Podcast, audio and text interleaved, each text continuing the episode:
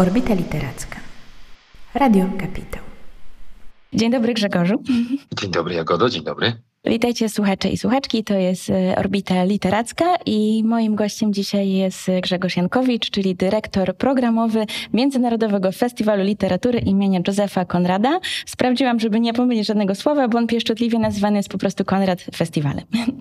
Albo Festiwalem Konrada po polsku. To jest chyba moja ulubiona formuła. Dobra, tutaj w takim razie możemy się trzymać e, i spotykamy się właśnie a propos tego wydarzenia. Myślę, że zanim wejdziemy w jakieś szersze mandry programowe, to jeszcze bym przybliżyła osobom, które będą nas słuchać dokładnie kiedy to się odbywa i gdzie. Czy, czy chcesz czynić honory? Jasne, mogę o tym opowiedzieć. W ogóle e, wydaje mi się, że w ogóle nigdy nie należy zakładać, że coś, coś jest oczywiste, że wszyscy wszystko wiedzą, że wszystkie, wszyscy e, po prostu się tym w tym orientują. Więc pozwólcie Państwo, że może pokrótce w ogóle się przedstawię. Najpierw zacznę od festiwalu, a potem przejdę do siebie.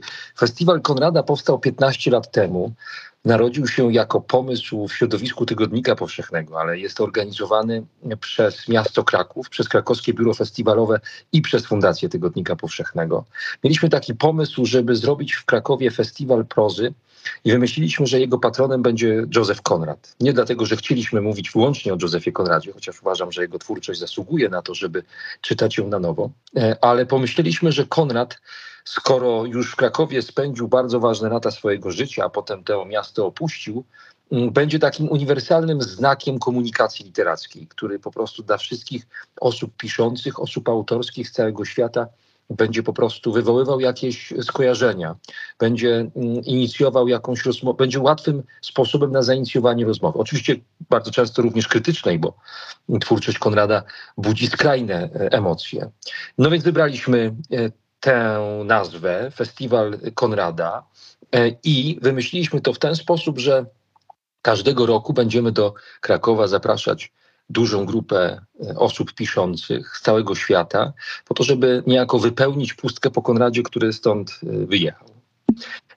A naszym takim fundamentalnym założeniem było to, że o rzeczywistościach, w których funkcjonujemy na co dzień, niezależnie od tego, czy to są rzeczywistości ekonomiczne, egzystencjalne, emocjonalne, polityczne, religijne, czy jeszcze jakieś inne, można, a nawet trzeba mówić za pomocą języków literatury, czy też za pomocą języków różnych literatur, dlatego że te języki dają nam szansę na to, żeby zmierzyć się z wątpliwościami i trudnościami, jakie napotykamy każdego dnia na swojej drodze.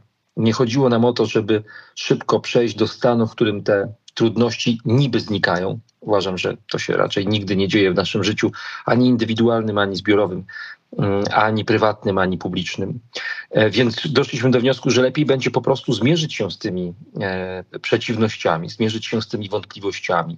I tak jak mówił kiedyś Camille, mm, te wątpliwości są e, zawsze takim najbardziej intymnym momentem w naszym myśleniu i naszym odczuwaniu. Chcieliśmy, żeby to nie był tylko intymny moment, żeby tylko jednostka mierzyła się z jakimś problemem, tylko chcieliśmy zmierzyć się z tym, z tym problemem wspólnie zapraszając e, osoby skądinąd do rozmowy, zapraszając naszą publiczność do współudziału w tej e, rozmowie. Taka jest idea festiwalu Konrada. Od 15 lat jest organizowany w Krakowie. Mm, teraz ma taki charakter całoroczny. Kiedyś to był tylko jeden tydzień, e, ostatni tydzień października, potem trzeci tydzień października. Natomiast teraz jest to festiwal kroczący, który ma różne mm, elementy, tworzy taką konstelację, taki ekosystem. Ja natomiast nazywam się Grzegorz Jankowicz i na co dzień zajmuję się literaturą na bardzo wiele różnych sposobów, ale w centrum zawsze jest literatura. Mm, opowiadam o niej e, na uniwersytecie, e, uczę w Łódzkiej Szkole Filmowej, Szkole Doktorskiej Łódzkiej Szkoły Filmowej. Zajmuję się nią także jako eseista, tłumacz, pracuję w Tygodniku Powszechnym. Mm, no i organizuję festiwal Konrada jako jego dyrektor programowy, czyli moje zadanie polega na tym, żeby mm, ułożyć każdorazowo w każdym roku taką opowieść, w której e, poszczególne rozdziały to twórczość e, gościń i gości zapraszanych do Krakowa. I w tym roku ten festiwal odbędzie się między 23 a 29 października, odpowiadając na twoje, na twoje pytanie. Bardzo Ci dziękuję za to, za to szersze przedstawienie idei festiwalowej i też dziękuję, że przybliżyłeś bardziej y, swoją postać. Natomiast y, rzeczywiście też chciałam Cię zapytać o to, bo festiwal faktycznie swoją kumulację ma, ma pod koniec października, ale to nie są wszystkie aktywności, które, które się wydarzają. Są i warsztaty, y, są i spotkania prowadzone w formule online i zastanawiam się, czy to jest taka idea, żeby, żeby tą literaturą jednak żyć przez cały rok i żeby docierać ludzi też na przykład, którzy nie mają okazji e, dotrzeć do Krakowa, którzy może są z całej Polski i też dzięki temu mogą uczestniczyć w tych dyskusjach literackich. To bardzo mi się podoba te, to rozróżnienie, że wszystkie powieści to są Iliady albo Odyseje, ale że Konrad stara się być Iliadą i Odyseją jednocześnie. To jest rozróżnienie, które zaproponował bardzo dawno temu Raymond Queneau, e, francuski pisarz. Mówił o powieściach, mówił o utworach prozatorskich, których akcja albo toczy się w jednym miejscu, albo też e, te powieści opowiadają o podróży. Jak w jednym miejscu, no to Iliady, jak e, są to podróże, jak to jest jakaś peregrinacja autorki, nie autorki, tylko bohaterki bądź bohatera, to wtedy mamy do czynienia z Odyseją. Konrad jest jednym i drugim z tego prostego względu. Kiedyś mieliśmy tylko jeden, jedno wydarzenie, główne, ty, tydzień festiwalowy, to było takie wielkie święto. No ale wówczas komunikacja w przestrzeni publicznej wyglądała zupełnie inaczej. E, dziś w dobie mediów społecznościowych nasza uwaga w przestrzeni i prywatnej, i publicznej zupełnie inaczej się e, kształtuje. E, pewne rzeczy wpadają nam jednym uchem, drugim uchem wypadają. Trudno jest nadążyć także za tymi wszystkimi informacjami, które się pojawiają z różnych stron. Jesteśmy na pewno przebodźcowani. Ja osobiście uważam, że to nie jest sytuacja, która nam służy. E, nie, nie uważam, żebyśmy po prostu w takich warunkach mogli e, dobrze e, żyć. Jako organizator festiwalu raz z moimi koleżankami, kolegami, z osobami, które ten festiwal współtworzą, doszedłem do takiego wniosku, że powinniśmy zbudować z naszą publicznością stałą, ale nie nachalną komunikację. Nie zależało nam na tym, żeby cały czas non-stop być obecnym w życiu, w świadomości osób, do których kierujemy naszą e, ofertę literacką, ale żeby jednak ta mm, komunikacja była stała, tak jak, nie wiem, jakaś stała relacja z kimś, e, stała relacja z miejscem, e, stała relacja z jakimś bardzo ważnym elementem naszego doświadczenia. Żeby Konrad był takim, taką, bardzo często posługujemy się tą metaforą, latarnią Pierwszego dnia festiwalu ratusz y, na rynku głównym w Krakowie zapala się y, i tam jest światło i, i ono wygląda trochę jak, y, jak latarnia. E, ten, ten symbol można odnieść do samej idei festiwalu, do tego w jaki sposób my myślimy o tym, co e, możemy naszej publiczności zaoferować. Stąd pomysł na to, by oprócz tygodnia e, festiwalowego być obecnym również w pozostałych e, okresach roku i tak powstała idea lekcji czytania, takich warsztatów, które prowadzimy mm, przez cały rok e, dla różnych grup odbiorców. E, potem powstała idea mm, spotkań Konrad po godzinach, E, to są wydarzenia mm, dyskusyjne, spotkania z autorkami, autorami, promocje książek, które się odbywają po prostu w ciągu całego roku. E, także idea natury przyszłości, czyli tego cyklu online'owego, który prowadzą mm, z pisarkami, pisarzami. Ten cykl w ogóle narodził się w bardzo e, ciekawych okolicznościach. Kilka lat temu mieliśmy taki tytuł festiwalu. To, była, to było hasło przewodnie, Natura przyszłości. I pomyślałem, że aby przygotować publiczność do e, edycji głównej, mm, zrobię kilka wywiadów online'owych. To był akurat czas pandemii, więc e, ta obecność w sieci była tym bardziej e, ważna. To zresztą też wpłynęło na nasze rozmaite decyzje programowe i organizacyjne. No i ten cykl cieszył się takim powodzeniem.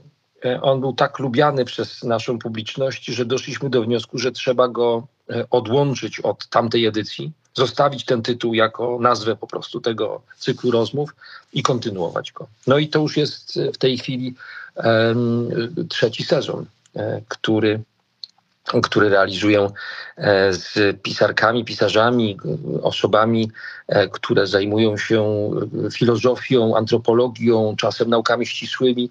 Staramy się e, analizować to, co się dzieje dziś i wyciągnąć jakieś wnioski e, z tego na przyszłość. Nie jest tak, że bawimy się futurologię, że wyobrażamy sobie, jak świat będzie wyglądał za kilka czy kilkanaście, kilkadziesiąt lat, tylko raczej koncentrujemy się na tym, co tu i teraz, e, zakładając, że to, co tu i teraz daje nam bardzo dużo wiedzy na temat potencjalnych zagrożeń albo potencjalnych szans e, dla, dla nas jako e, współmieszkańców Ziemi i dla samej Ziemi. Ja też trochę w podobny sposób widzę w ogóle wasze działania, bo to, że na przykład też się aktywujecie na Instagramie i na przykład był ten cykl, w którym różne osoby, które współtworzą festiwal, opowiadały o swoich ulubionych książkach, to jest też takim gestem włączenia tej społeczności bookstagramowej do dyskusji o książkach. Takie trochę upomnienie się o różne grupy, które być może nie czułyby się mile widziane na festiwalu literackim, który może wydawać się trochę elitarny, a wy tak jakby włączacie ich. To jest moja obsesja. E, żeby, żeby czynić ten festiwal inkluzywnym. E, idea, której nie da się nigdy pewnie w 100% mm, zrealizować e, ze względu na ograniczenia, czy to poznawcze, czy chociażby instytucjonalne. Ale coś, co nam bardzo się podoba i co napędza nasze działania, to właśnie myśl o tym, że literatura jest dla każdej i każdego, że nie ma granic, które których nie można by wspólnie e, przekroczyć. E, bardzo ważnym doświadczeniem dla mnie był taki moment, kiedy zacząłem prowadzić warsztaty już nie tylko e, w szkołach z młodymi ludźmi czy w grupach osób starszych, ale zacząłem także prowadzić warsztaty w takich trudniejszych przestrzeniach, gdzie znajdowali się ludzie, znajdowały się osoby mające utrudniony dostęp do kultury. Zrozumiałem wtedy, że bardzo często myśląc o tych osobach, wyobrażamy sobie ich problemy, ich doświadczenia błędnie. Zakładamy, że jesteśmy potrzebni tam, gdzie nie jesteśmy potrzebni. Wydaje nam się, że nie jesteśmy potrzebni tam, gdzie oni potrzebują najbardziej pomocy. E, I bardzo wiele się tam nauczyłem, bardzo wiele uczę się, dlatego że cały czas te warsztaty prowadzę. I to jest też taki, to jest centrum, paradoksalnie centrum, od którego zawsze zaczynam myślenie o kolejnych edycjach. Mam wrażenie, że instytucje są silne wtedy, gdy potrafią zaczynać refleksję na temat tego, czym powinny być, jak powinny działać od y, osób, które y, potrzebują najbardziej pomocy, które są najsłabsze. Jeśli te instytucje są w stanie pojawić się tam najpierw i y, zrobić coś dla tych osób, to tak sobie wyobrażam, może być lepiej. Czy nam się to udaje, to jest druga sprawa zawsze coś można poprawić, nieustannie można coś zmienić. E, festiwal jest tak duży, dociera do tak potężnej grupy ludzi, mm, że nie sposób e, uczynić każdego komunikatu maksymalnie uniwersalnym, choćbyśmy się nie wiem jak e, starali. Ale tak, robimy to.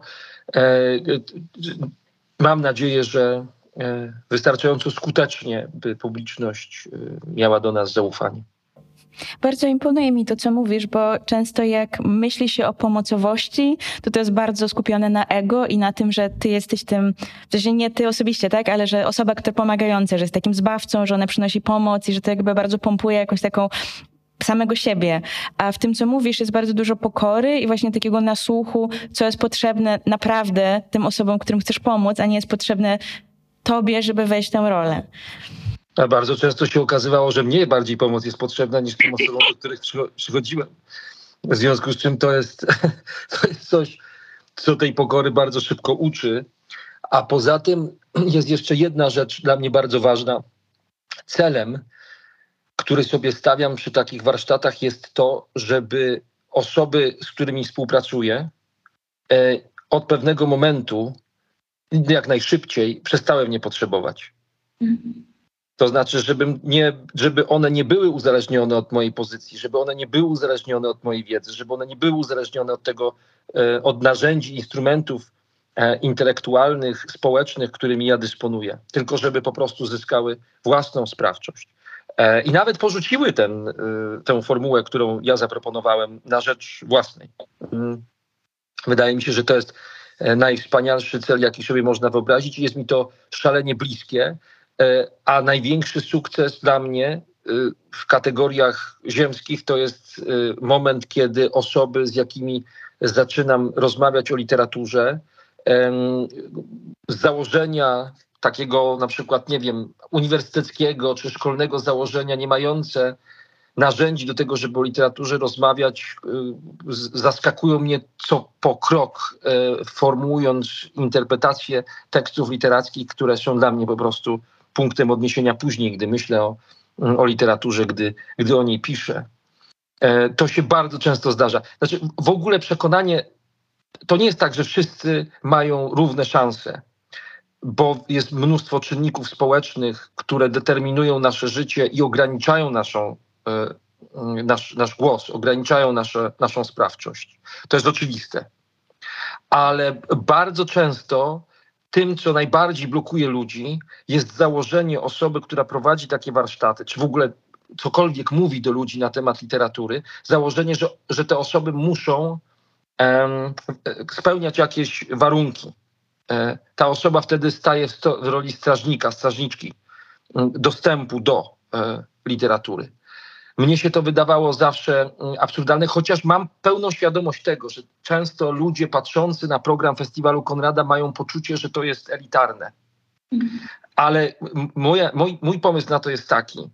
E, jak przychodzę do osób, które nie mają doświadczenia literackiego, to ja nie proponuję im do lektury tekstów w cudzysłowie dostosowanych do ich poziomu, bo nie zakładam, że jest jakiś poziom, do którego ktoś musi się dostosowywać. Tylko wybieram z pełnym przekonaniem to, co mnie nakręca, to, co jest przedmiotem mojej pasji. E, I próbujemy, próbujemy coś z tym zrobić.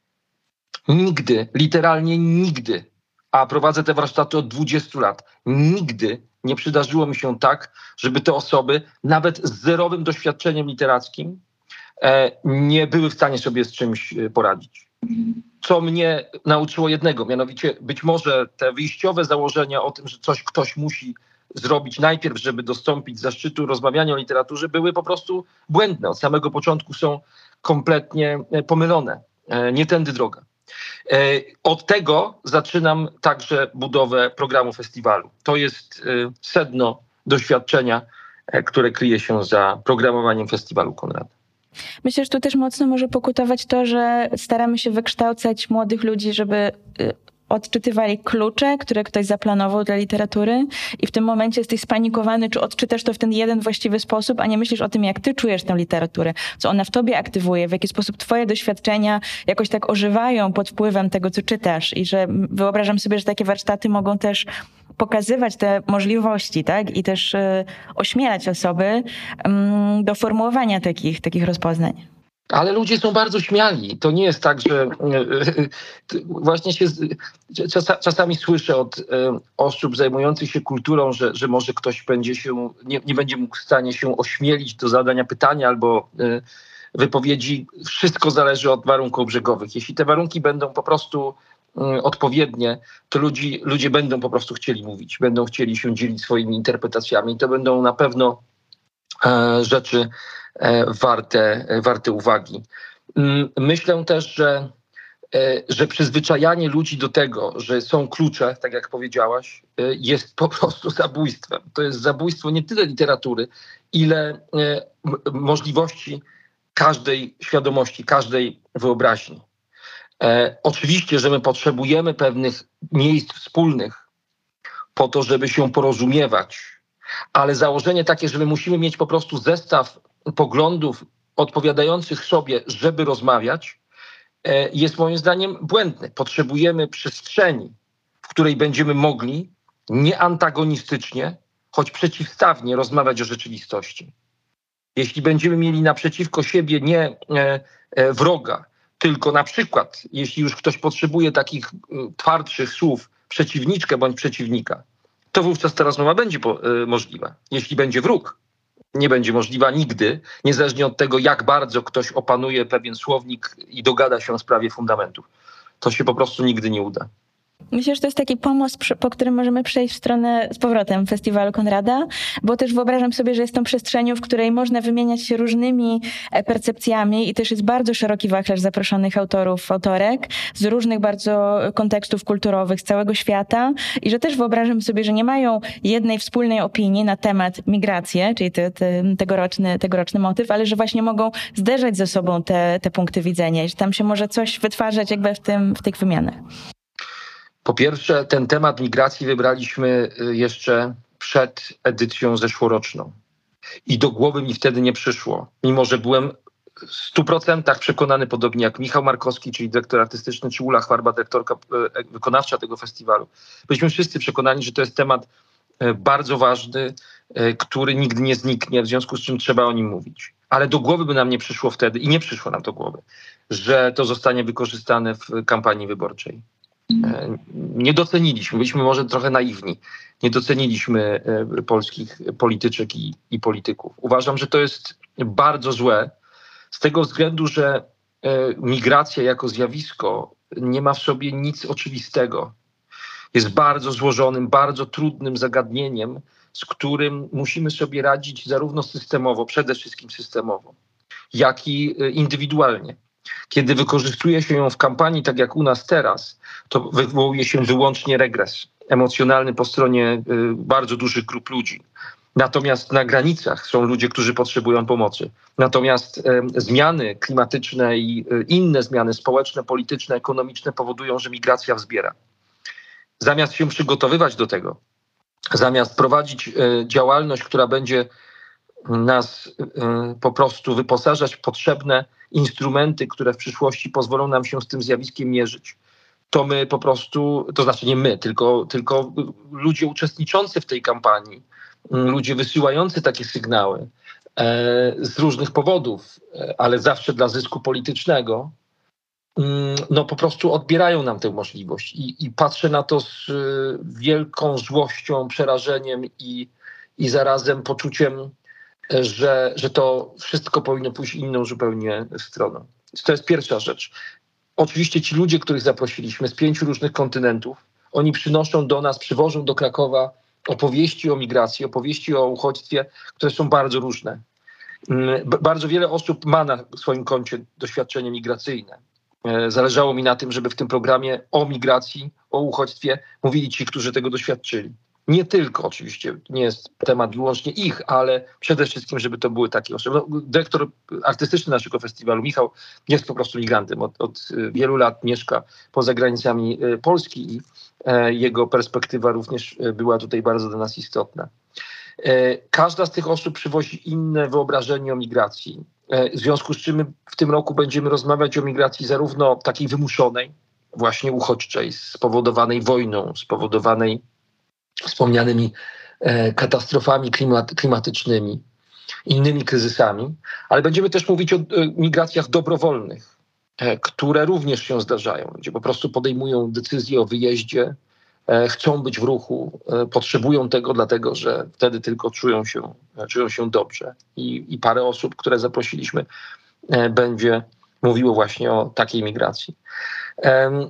Migracja jako zjawisko nieoczywiste ma to do siebie, że z jednej strony jest bardzo duża grupa ludzi, którzy od razu potrzebują pomocy. Jest bardzo duża liczba problemów, które będą z nami po przyjęciu tych ludzi przez y, lata, dziesięciolecia. Następne po prostu epoki będą naznaczone konsekwencjami tego, tego koniecznego gestu, koniecznego gestu y, pomocy. Dlatego no nie wystarczy powiedzieć, e, otwórzmy granice, przyjmijmy ludzi potrzebujących. To jest oczywiste. Oni potrzebują pomocy natychmiast i państwo, niezależnie od tego, czy to jest państwo polskie, czy jakiekolwiek inne, ono musi być w tym momencie skłonne i gotowe do tego, żeby takiej pomocy udzielić. No ale potem trzeba mieć pomysł na to, co dalej. E, mhm. Żeby nie doprowadzać do takich sytuacji, jakie obserwujemy na przykład, nie wiem, w, e, w Belgii, w Brukseli, gdzie mamy w samym sercu miasta w zasadzie dwa światy. Mamy dzielnicę Molenbeek i mamy e, całą resztę. E, pomiędzy tymi światami różnica jest tak duża, że w momencie, w którym pojawia się jakakolwiek iskra, e, parę miesięcy temu, w grudniu to był po prostu mecz piłkarski. i nagle po prostu wszystko zaczyna wybuchać. Ale nie wybucha dlatego, że część ludzi, która mieszka w tym mieście pochodzenia marokańskiego, to są ludzie o złych intencjach, tylko po prostu struktura rzeczywistości, w jakiej funkcjonują, nie pozwala im na przemieszczanie się pomiędzy różnymi punktami na mapie społecznych awansów i, i, i y, nie, nie są w stanie funkcjonować tak, jakby chcieli a tak jak funkcjonują na przykład inni obywatele i obywatelki tego miasta. W związku z czym wystarczy po prostu iskra, żeby ich zbierającą frustrację uruchomić. Ktoś może to zrobić wręcz specjalnie po to, żeby doprowadzić do e, napięcia społecznego. To jest bardzo złożony problem. Obserwuję to y, w różnych miejscach e, miejscach świata, bo to nie jest tylko y, Belgia, to samo mamy z tym samym do czynienia w krajach skandynawskich. E, to samo y, obserwowaliśmy w Niemczech. To są zjawiska, które musimy wziąć pod uwagę, przemyśleć, nauczyć się e, wielu różnych rzeczy po to, żeby w przyszłości e, ludziom po prostu pomagać, nie tylko w tym momencie, gdy oni przekraczają granice, ale, ale później. Mhm. Myślę, żeby nie tworzyć, nie tworzyć po prostu apartheidu, nie tworzyć podzielonej rzeczywistości. W Polsce mamy potężną grupę Ukrainek i Ukraińców, ludzi, którzy każdego dnia, mija, z którymi się mijamy na ulicach, spotykamy ich w sklepach. To są ludzie, którzy w, w tych różnych miejscach, jakich my odwiedza, odwiedzamy, e, pracują, e, którzy, mm, z którymi po prostu musimy być jednym tworem społecznym. No ale to się nie stanie samo z siebie. To nie jest tak, że po prostu to się jakoś dotrze. Nigdy się w ten sposób nie dociera. Zazwyczaj kończy się to tym, że ta grupa po prostu ma swoje, swoją przestrzeń, zamyka się po prostu w tej przestrzeni no i y, kontakt między, y, i tworzą się dwa światy, pomiędzy którymi nie ma y, takiego kontaktu, jaki jest potrzebny, żeby społeczeństwo funkcjonowało. Mhm. Myślę sobie, że to jest też taka możliwość, która płynie z literatury, żeby czytając te historie zamknięte w książkach, otwierać się na te doświadczenia i móc w jakiś sposób je zapośredniczać i później potencjalnie implementować też w swojej rzeczywistości. Tak, jeżeli przeczytamy o tym, co działo się w Argentynie, w Chile, w Skandynawii, w Belgii i tak dalej, i tak dalej, tak jakby mamy akumulację tych perspektyw, jesteśmy w stanie pracować jakoś z nimi. Dzięki temu, że one docierają w tej formie, to jakby mamy z nimi styczność w ogóle. Absolutnie tak. To po pierwsze jest lekcja, świetna lekcja. Po drugie to jest przestrzeń, dodatkowa przestrzeń, takie zapośredniczenie. E, możemy po prostu skorzystać z tej okazji, żeby na chwilkę się wyciszyć i pomyśleć, na chwilkę e, zrezygnować z natychmiastowej reakcji i zastanowić się po prostu, co zrobić. Taka reaktywność naszego e, bycia w świecie reaktywność jest jedną z podstawowych teraz cech naszego bycia w świecie. Wszyscy natychmiast reagują, wszyscy bardzo często wszystko wiedzą. Mnie to zawsze nieprawdopodobnie zaskakuje, bo bardzo często po prostu nie wiem, co się dzieje wokół mnie. Staram się to zrozumieć dopiero i dopiero potem podjąć decyzję, więc y, myślę, że literatura to jest doskonałe narzędzie do takiego, y, takiego rodzaju bycia, współbycia z innymi, bycia w, w świecie. Niedawno przyszła mi do głowy, przypomniałem sobie taką scenę, nie wiem czy pamiętasz taki film e, Terego Gilliama e, Parnassus, mhm. o doktorze Parnassusie. Tam jest taka fantastyczna scena, w której e, diabeł grany przez Toma Waitsa e, prowadzi z Parnassusem e, rodzaj takiej rozgrywki i są w, w, w klasztorze, gdzie mnisi recytują opowieść. I Parnassus y, stawia taką tezę, że właśnie dzięki temu, że ta opowieść, ta literacka opowieść jest recytowana, to cały świat może istnieć. Pięknie. Y, y, diabeł natychmiast zaczyna z tego kpić i mówi, że to jest absurd. Żeby udowodnić, że tak nie jest, za pomocą magicznego triku zatyka tym mnichom usta. Opowieść cichnie w tym miejscu, a świat dalej istnieje. Diabeł pyta Parnasusa, no jak to? Miało się wszystko skończyć. Na co Parnasus odpowiada wtedy absolutnie kapitalnie, że opowieść jest recytowana przez kogoś innego w innym miejscu. E, I z tego można wyciągnąć następujący wniosek. Literatura tworzona przez innych ludzi w innych miejscach, ona może nam bardzo się przydać wtedy, kiedy my ze sprawą jakiegoś kryzysu, czy to prywatnego, czy takiego wspólnotowego, nie mamy rozwiązania. Tracimy orientację, e, gubimy się po prostu.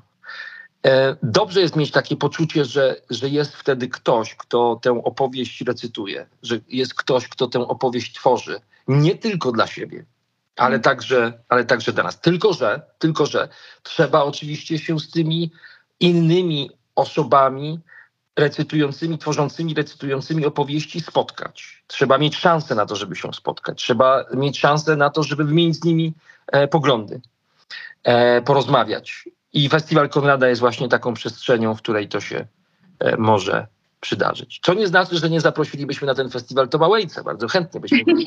E, tylko w innej roli, nie w roli diabła. Wspaniały. Ale myślę jeszcze o, tych, e, o tym, co mówiłeś o Belgii i tak jakby też po sąsiedzku Francja i, i postać e, Mohameda Mbogara czyli laureata Nagrody Goncourt i to, że on też musiał zderzyć się z falą krytyki za to, że nie jest prawdziwym Francuzem, bo jest czarnym mężczyzną, e, jest, ma korzenie w Senegalu i też to, w jaki sposób ta literatura jest w stanie też przezwyciężyć pewne takie uprzedzenia, tak? Że tak jakby on e, przynosi swoją historię, historię rodzinną, ubiera ją w taką lekko baśniową formę, ale z drugiej strony też ona dociera do nas dzięki temu i tak jakby jesteśmy bardziej otwarci na to też dzięki temu, że to jest prozatorski utwór, fikcja literacka, a nie na przykład esej czy przemówienie, że tak jakby jesteśmy w stanie w takiej sferze intymności też też spotkać się z nim i jakby poznać go. Poza tym robi coś jeszcze, mianowicie sięga do tradycji literatury zachodniej, wybierając z niej różne opowieści, różne chwyty służące opowiadaniu i posługuje się nimi jako własnymi chwytami.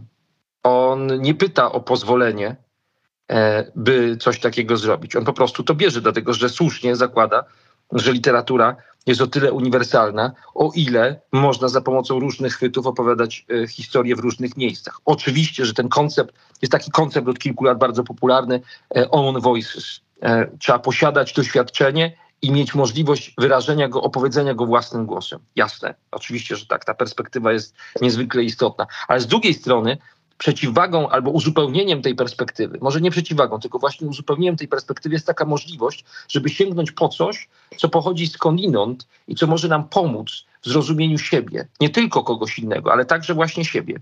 Przypadkowo, naprawdę, bardzo e, zaskakująco, mimo że nie y, urodziliśmy się w y, miejscu, z którego pochodzi autorka bądź autor, mimo że nie doświadczyliśmy rzeczy, które są jej, jego udziałem, ich udziałem, to y, mimo wszystko opowieść staje się dla nas y, ważna. Ta, to, co powiedziałaś o Sarze, jest, jest moim zdaniem też taką lekcją dla współczesnego y, pola literackiego, międzynarodowego pola literackiego. Nagroda Goncourtów, którą my będziemy prezentować w tym roku na festiwalu.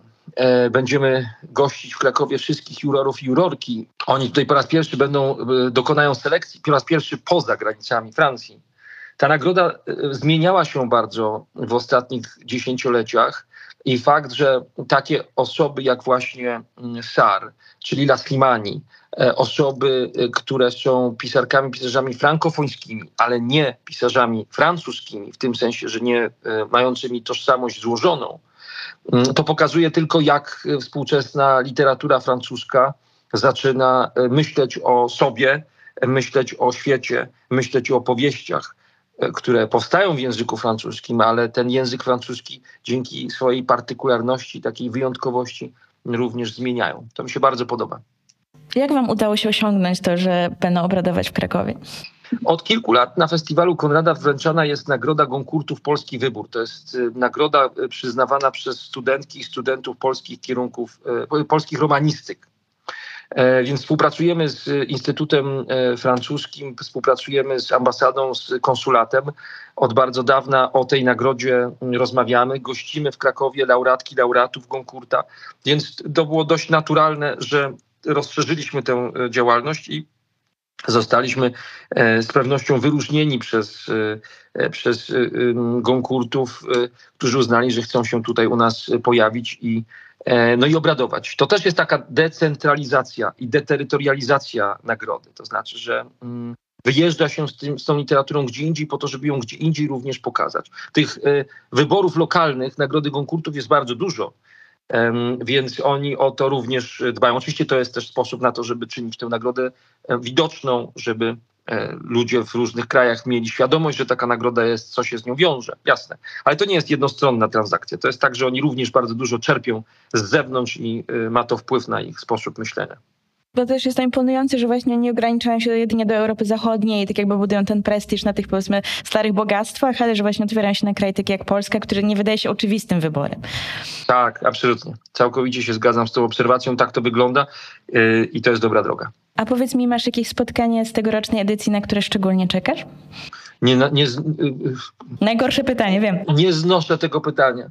Yy, dlatego, że po prostu strasznie trudno, nie dlatego, że ono jest złe, ono jest bardzo dobre, zwłaszcza dla publiczności, tylko mnie jako osobie, która wymyśla te wszystkie yy, spotkania z programu głównego, bardzo trudno jest yy, wskazać to jedno, które naprawdę będzie. Może po prostu powiem to, co mi przychodzi teraz do głowy. Nie biorąc za to żadnej odpowiedzialności, że akurat to mi teraz przychodzi do głowy, ale skoro rozmawialiśmy o Goncourtach, to wspomnę o to wspomnę o Filipie Claudelu. To jest francuski pisarz, który parę miesięcy temu, czy paręnaście miesięcy temu opublikował książkę, która dotyczy granic. Nie tylko granic politycznych, takich geopolitycznych, ale granic także wewnętrznych. Pomyślałem, że w kontekście migracji znakomicie będzie z nim o tym porozmawiać a on mnie osobiście jest bliski dlatego, że przez 11 lat pracował jako edukator więzienny, pracował jako nauczyciel w więzieniu. I kiedy ja zacząłem podobną przygodę, kiedy ja zacząłem pracować w takich przestrzeniach, to strasznie dużo się od niego nauczyłem. Czytałem jego wypowiedzi na ten temat, wreszcie udało mi się z nim także osobiście porozmawiać. I to jest, to tak jakoś emocjonalnie, osobiście bardzo mi, bardzo mi pomogło. Więc wskazuję na niego nie dlatego, że to według mnie jest najważniejsze, ważniejsze spotkanie niż inne, ale po prostu teraz akurat pomyślałem w kontekście naszej rozmowy, w logicznym ciągu skojarzeń z tym, o czym rozmawialiśmy właśnie o, o Filipie. Ja, ja zdradzę, że jestem bardzo szczęśliwa z tego, że przyjeżdża też Laura Freudenthaler, bo jestem wielką fanką jej opowieści o duchach. Wspaniała pisarka. Wspaniała pisarka, nie tylko pisarka w sensie osoba pisząca, tworząca, ale po prostu magnetyczna osobowość. Jestem zachwycony sposobem, w jaki ona przeżywa świat radykalnie inaczej niż większość z nas. To znaczy, jest osobą, która afirmuje moment ciszy, który jest jej potrzebny po to, żeby lepiej rozumieć to, co się z nią dzieje i wokół niej. I ma siłę, żeby tę ciszę zachować. Ma siłę wewnętrzną, żeby po prostu taką ciszę, taką przestrzeń wokół siebie stworzyć. Magnetyczna postać zupełnie.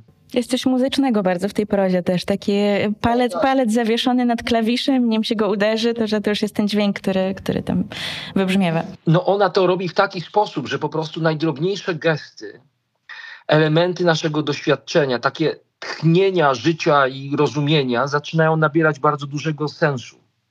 To nie jest mechaniczne, to nie jest automatyczne, to nie jest pospieszne. Przez to, że to nie jest pospieszne, to nie, nie jest automatyczne. I, I staje się ważne. Staje się po prostu bardzo istotnym punktem odniesienia, także dla czytelniczki i czytelnika. Bardzo, bardzo podziwiam ją i cieszę się, że ty też lubisz jej, jej pisanie. Miałem okazję prowadzić z nią kiedyś spotkanie byłem po prostu zauroczony. A powiedz mi proszę, myślę, że naszych też słuchaczy może to ciekawić, mnie samą również, jak wygląda proces programowania festiwalu? No bo powiedziałeś, że wybraliście ten temat już dwa lata temu, więc w którym momencie zaczynasz rozpisywać sobie jakąś mapę tych na przykład autorów powiązanych z tym tematem? Jak to, jak to działa? Tak, zawsze najpierw, najpierw się pojawia idea przewodnia, temat danej edycji, który jest takim, taką soczewką skupiającą i rozpraszającą. Skupiającą, bo ona po prostu pozwala nam spojrzeć na poszczególne książki w, z tej konkretnej perspektywy, a rozpraszającą także dlatego, że chcemy dany temat pokazać w jak najszerszym kontekście. Nie chcemy go zamykać, nie chcemy go ograniczać. Więc zaczyna się od idei przewodniej, a potem od poszukiwań. Czasem wydobytych z pamięci, czasem poszukiwań, które pojawiają się w naszych konsultacjach grupa festiwalowa jest spora, w związku z czym rozmawiamy na ten temat bardzo, bardzo dużo. E, to jest fantastyczna zabawa, tak skądinąd w ogóle na marginesie mówiąc, to po prostu jest świetna zabawa, kiedy, kiedy ludzie zaczynają dzielić się swoimi doświadczeniami e, lekturowymi. Tak jak na przykład w tym, e, wspomniałeś o tym cyklu, kiedy osoby z naszego zespołu prezentowały książki. No to zwróć uwagę, że to nie były osoby z działu programowego tak zwanego, nie mamy czegoś takiego jak dział programowy, ale mówię to ironicznie, tylko to były osoby, które po prostu pracują przy festiwalu E, także wykonując e, działania techniczne. Zwróciłam uwagę, świetny gest, naprawdę, przepiękny. Znaczy nie chodzi o gest, chodzi o to, że wszyscy ci ludzie czytają, ci ludzie mówią o literaturze. Nie chodzi o puste gesty, tylko chodzi o to, że, że tak, to, tak to wygląda. Nie śmiałabym sugerować pustego gestu. tak się to odbywa. E, no, gromadzimy takie archiwum rozmaitych skojarzeń literackich, a potem moje zadanie polega na tym, żeby to ułożyć właśnie w opowieść. E, zwracając uwagę na różne rzeczy, wyobrażając sobie konsekwencje, y, postawienie na taki, a nie inny mm, głos.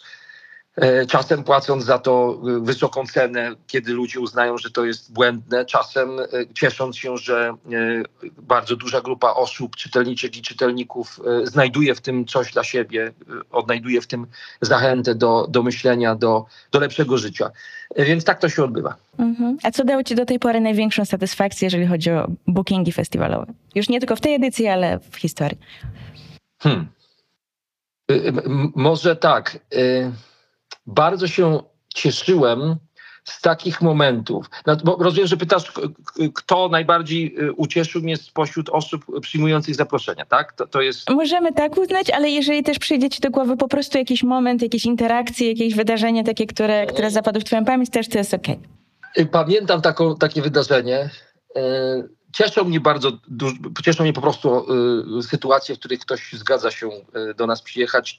Y, boleje bardzo wtedy, kiedy nie może, nie chce, albo już się zgodził, zgodziła, a z jakichś powodów nie może e, później zrealizować tej, e, tego planu. Ale całe, jest całe mnóstwo takiej anegdotycznej historii festiwalu która żałuje tego. Może kiedyś będzie czas na to, żeby to opisać, bo to są po prostu fantastyczne opowieści, mikrohistorie e, pokazujące, jak literatura działa w przestrzeni e, międzyludzkiej. E, teraz mi przychodzi do głowy takie zdarzenie. Pamiętam, przed laty był u nas Paul Oster. I wychodziliśmy, wtedy festiwal odbywał się jeszcze w mm, Pałacu pod Baranami wychodziliśmy na płytę rynku głównego. Było już tak y, ciemnawo, y, bo to było, to było, późniejsze, to było późniejsze popołudnie i straszliwy deszcz. Potworny deszcz był w Krakowie.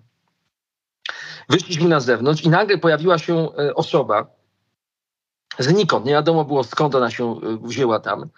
E, okazało się, że ta osoba napisała doktorat, czy magisterium, magisterium albo doktorat na, na temat Pola Ostera i wręczyła, chciała mu wręczyć, y, ta osoba chciała mu wręczyć tę, tę swoją pracę, tę swoją książkę.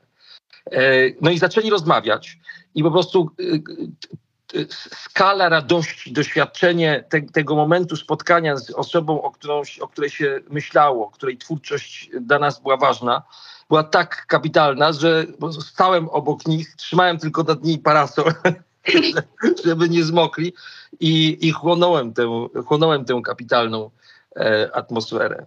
To mm. było, to było coś wspaniałego. Piękne. No ja muszę przyznać, że czuję taki, że mam ogromny przywilej, mogąc na przykład robić e, wywiady z pisarzami czy z pisarkami, bo czuję się jakoś poruszona ich wrażliwością albo otwierają ich książki mnie na jakieś takie perspektywy, do których mm, nie miałam odwagi sięgnąć, a może nie przyszłoby mi do głowy, żeby gdzieś zajrzeć, a później mogę się skonfrontować z taką osobą, która jest, e, która tworzy te treści. No to jest coś, coś pięknego. No to jest fantastyczne, ale oczywiście to jest, to jest przywilej. E, to jest przywilej i to jest wielka odpowiedzialność. Także dlatego, że e, choćby pod względem liczby nie sposób e, całkowicie zindywidualizować relacji pomiędzy nami a wszystkimi osobami, które przyjeżdżają na festiwal. Jest jakaś potężna grupa osób, które tworzą publiczność. I oczywiście każda z tych osób jest ważna ale nie, nie, da się po prostu y, tak tego poukładać, żebyśmy mieli możliwość porozmawiania z każdą z tych y, osób. Więc mam też świadomość, że jak czasami przemykamy przez te e, przestrzenie festiwalowe, przez centrum festiwalowe, ktoś chce nas zaczepić, my wtedy jesteśmy zabiegani, nie mamy czasu za bardzo. To jest bardzo, może być bardzo bolesne dla tych osób. E, I I, i żal mi, że to tak czasem wygląda, bo mamy czas dla pisarek, prawda? Musimy mieć czas dla tych, których gościmy, a, a powinniśmy mieć czas absolutnie dla, dla wszystkich, no ale, ale nie mamy go.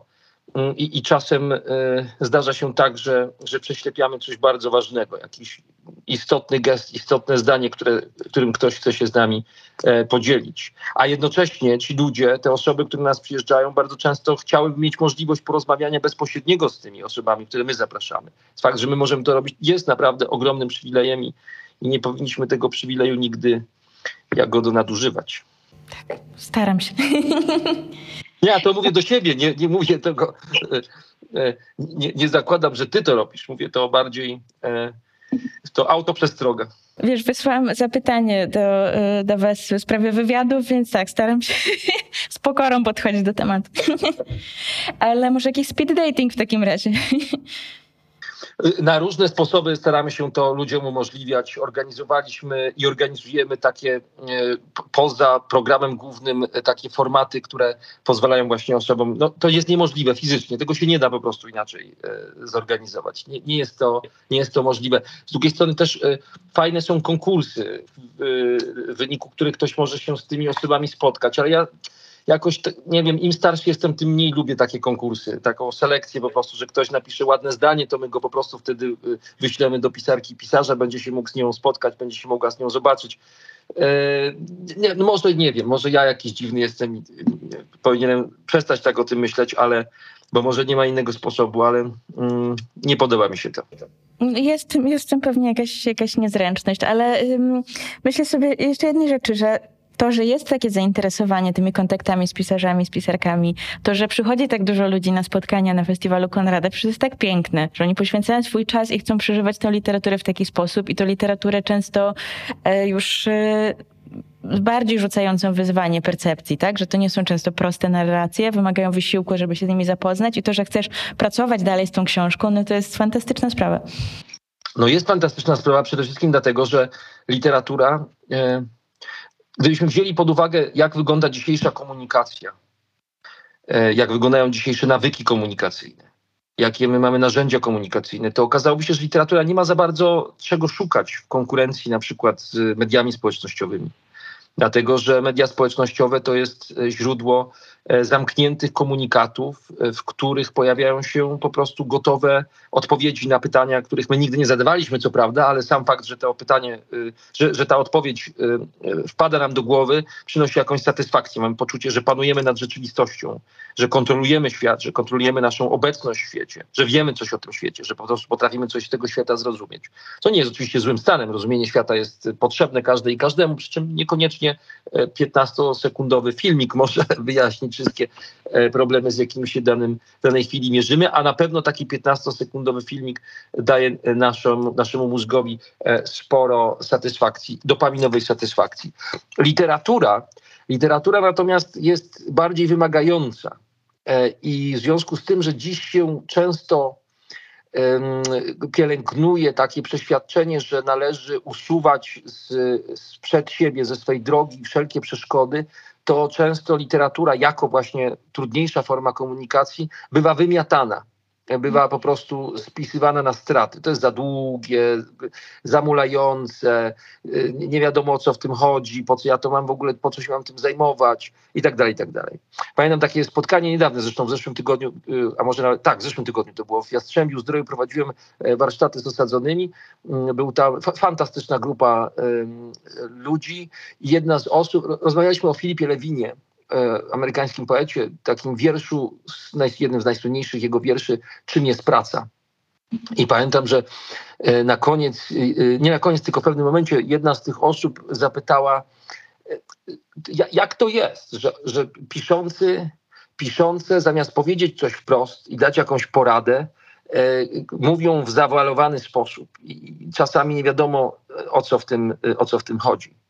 W tym wierszu pojawia się taka fraza, że czegoś nie robimy, bo nie wiemy, czym jest praca.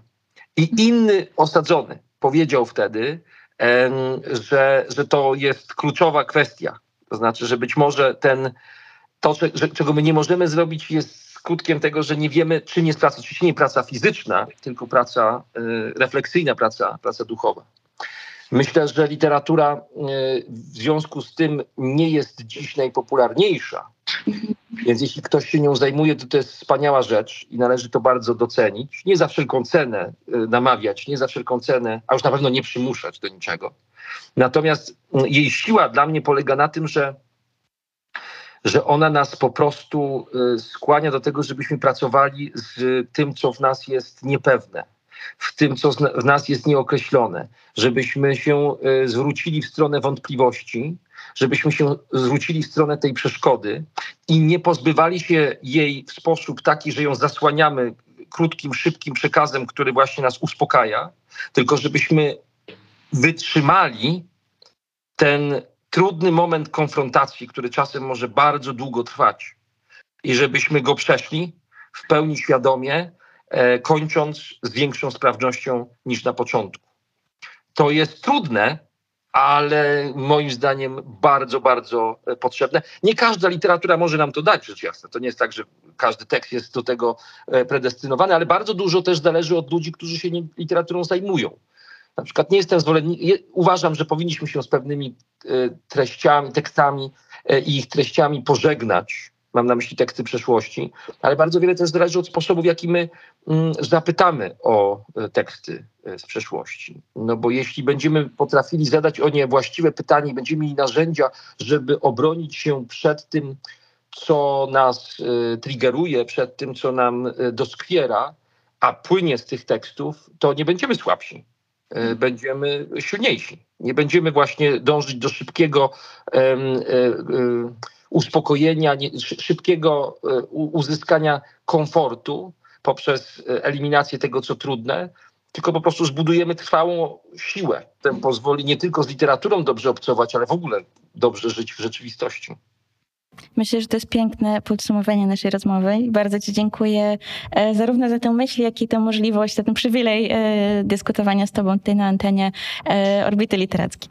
To ja Ci bardzo dziękuję za zainteresowanie naszym, naszym festiwalem, naszym programem. Dzięki ogromne za za tę rozmowę, e, inspirującą dla mnie bardzo i chciałem, korzystając z okazji, zaprosić wszystkie słuchaczki, wszystkich słuchaczy, żeby wpadli od 23 do 29 do Krakowa na Festiwal Konrada. Super. Dzięki śliczne i do usłyszenia i do zobaczenia w Krakowie. Dziękuję bardzo.